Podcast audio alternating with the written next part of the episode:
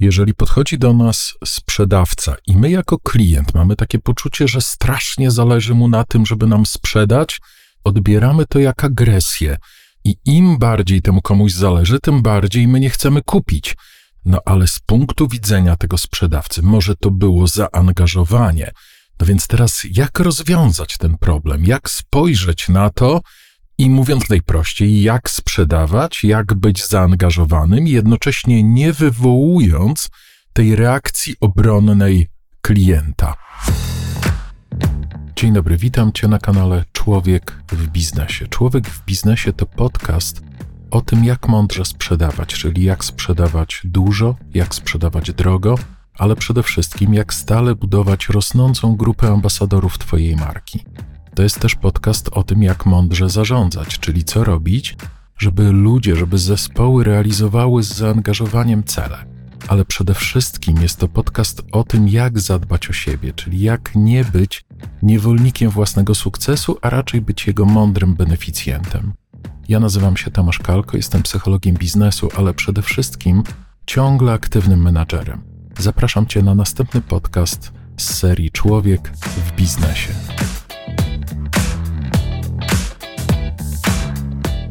To jak być zaangażowanym, żeby nie wystraszyć klienta, żeby nie wywołać tej reakcji: Nie, nie, nie, ja tylko patrzę, proszę mi nie przeszkadzać, najlepiej nie podchodzić.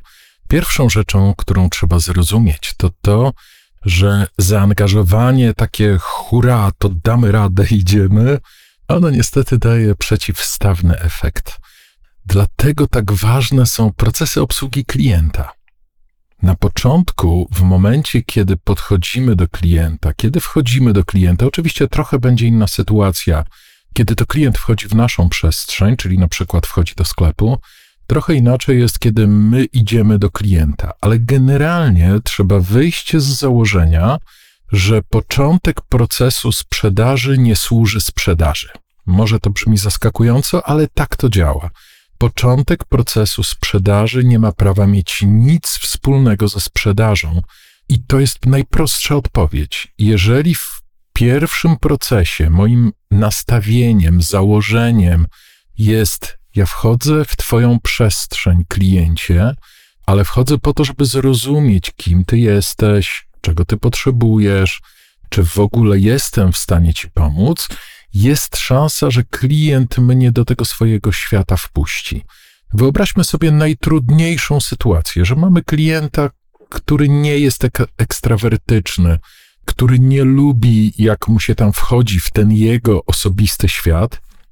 Więc kiedy podejdzie sprzedawca do takiego klienta z tym klasycznym hasłem, w czym mogę pomóc, no prawdopodobnie usłyszy: Nie, nie, nie, w niczym, a patrzę, proszę, proszę sobie nie przeszkadzać.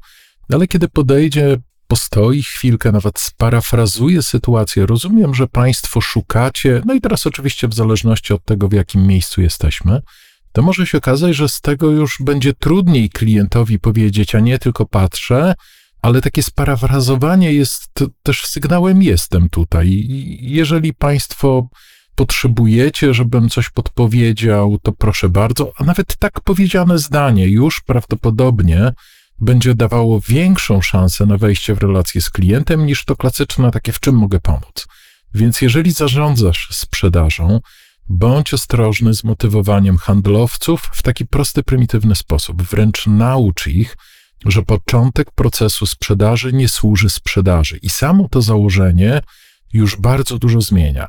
To w takim razie do czego służy początek procesu sprzedaży? Co mieć w głowie, po to, żeby klient nam się otwierał, żeby ta druga strona mówiła: Dobrze, wpuszczę cię do swojego świata.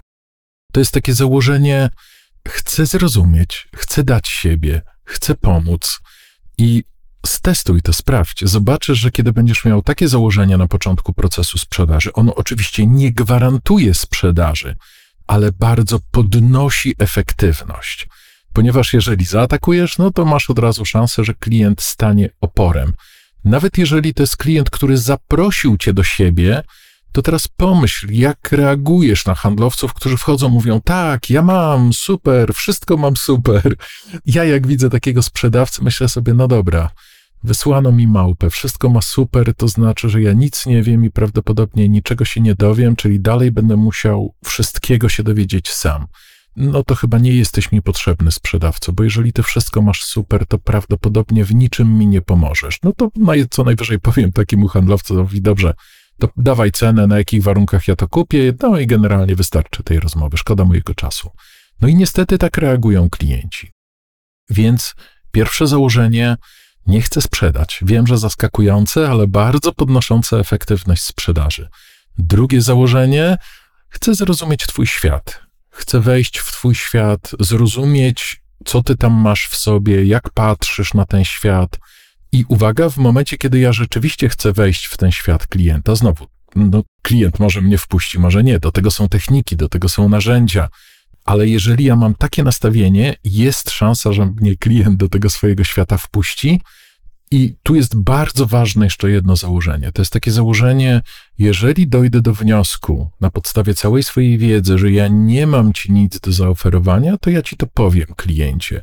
I co ciekawe, nasze założenia widać na zewnątrz. To znaczy, jeżeli będziesz miał takie założenie, ja naprawdę chcę ci pomóc, rzeczywiście chcę zrozumieć, jak ty patrzysz na świat, jeżeli tylko będę w stanie ci pomóc, to ci pomogę. Jeżeli nie, trudno, nawet powiem ci, że nie mam dla ciebie produktu, gdzieś podświadomie bardzo zmienia relacje między sprzedającym a kupującym. Więc jeżeli chcesz sprzedawać wartość, to przede wszystkim nie, nie zaczynaj od sprzedaży. Chciałem powiedzieć, nie sprzedawaj, aczkolwiek to trochę na to samo wychodzi. Pamiętam, jak kiedyś na jednym ze szkoleń napisałem flipchartem, przede wszystkim nie sprzedawaj, no i następnego dnia szkolenie było dwudniowe. Właściciel firmy zaprasza mnie do siebie i z takim szczękościskiem mówi: Panie Tomku, czego pan ich uczy?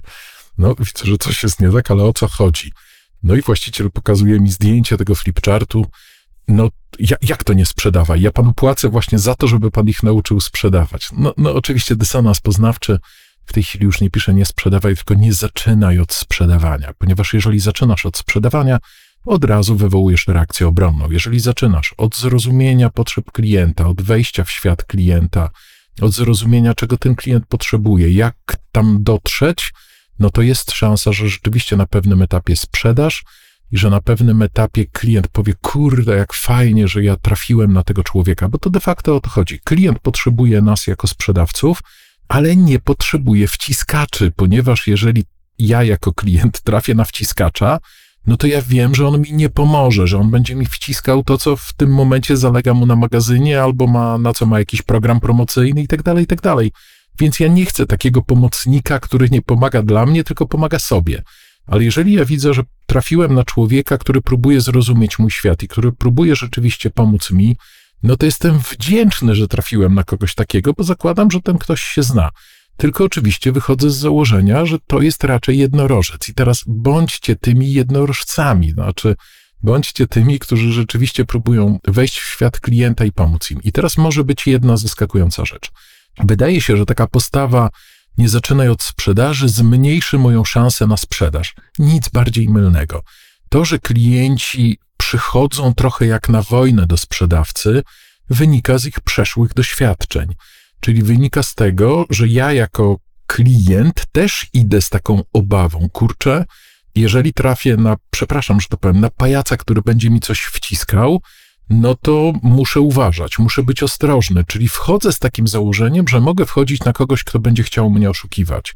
Ale jeżeli trafiam na kogoś, kto widzę, że staje po mojej stronie, no to super, to się otwieram, zdejmuję zbroję, zdejmuję cały ten system zabezpieczeń. Mówi tak, no jestem klientem, jestem zainteresowany zakupem, chcę zostawić pieniądze, tylko ty sprzedawco pomóż mi w podjęciu decyzji. I jeżeli trafię na kogoś takiego, mam gotowość zapłacenia więcej pieniędzy. I teraz uwaga, czy to są narzędzia, które gwarantują sprzedaż? Nie. Czy to są narzędzia, które gwarantują to, że nie trafisz na kogoś, kto jednak do końca będzie chciał cię oszukać, czyli trafisz na klienta, który, nie wiem, sam kłamie, sam oszukuje, sam prowadzi jakiś biznes w nieuczciwy sposób? Nie, trafisz na pewno na taką osobę, ale uwaga, to jest statystyczny margines. Ale jeżeli zastanowisz się, co osiągniesz atakując klienta, to na 95% uzyskasz opór tego klienta, czyli uzyskasz taką sytuację, że klient mówi: Dobra, dobra, nie chcę cię w swoim świecie, zostaw mi swoje warunki, zostaw mi cenę i spadaj. Nie chcę z tobą rozmawiać. Więc pamiętaj o tym, że nie ma żadnego narzędzia, które gwarantuje sprzedaż, ale są narzędzia, które tą szansę na to, że sprzedamy, drastycznie podnoszą. I są takie narzędzia, które naszą szansę bardzo obniżają. I atakowanie klienta na pewno obniża naszą szansę na sprzedaż, a wejście w świat klienta bardzo miękko z takim założeniem: Ja nie chcę ci niczego sprzedać, ja chcę na początku zrozumieć, kim ty jesteś, jak patrzysz na świat, jakie masz założenia, w jakiej jesteś sytuacji, czego się boisz, to takie podejście bardzo podnosi tą szansę. Oczywiście tu jest cały proces, co zrobić, żeby klient nas wpuścił, no ale w jednym podcaście tego nie opiszę, no, a do tego w pewnym sensie, z mojego punktu widzenia, to jest mój produkt, więc ja bardzo chętnie podzielę się tą wiedzą, ale jednak w taki sposób, żeby ją jakoś zmonetyzować, bo to jest z kolei mój produkt. To jestem ja. Ja też sprzedaję swoje usługi. Więc jeżeli jesteś zainteresowany tym, żeby w Twojej firmie sprzedawać wartość, a nie cenę, to pamiętaj, że jestem, na miarę do mnie można znaleźć w sieci. Ja nazywam się Tomasz Kalko i będzie mi bardzo miło, jeżeli będzie okazja do tego, żeby ewentualnie powspółpracować, a ja mam nadzieję, że uda Ci się sprzedawać dużo, drogo i co jest najważniejsze, w oparciu o wartości. Trzymaj się, oczywiście będę wdzięczny za polubienia, za Twoje komentarze, za podzielenie się Twoimi doświadczeniami w pracy z klientem. Trzymaj się, hej. Dziękuję Ci za wysłuchanie podcastu. Jeżeli to wszystko, o czym opowiadam, jest zgodne z Twoją wizją biznesu, z Twoimi wartościami i widzisz przestrzeń do tego, żebym wsparł Twój biznes w rozwoju, żebym podzielił się swoją wiedzą z Tobą lub z Twoim zespołem, to zapraszam Cię do kontaktu. biuro małpakalko.pl Bardzo Ci dziękuję za wysłuchanie podcastu. Tomasz Kalko.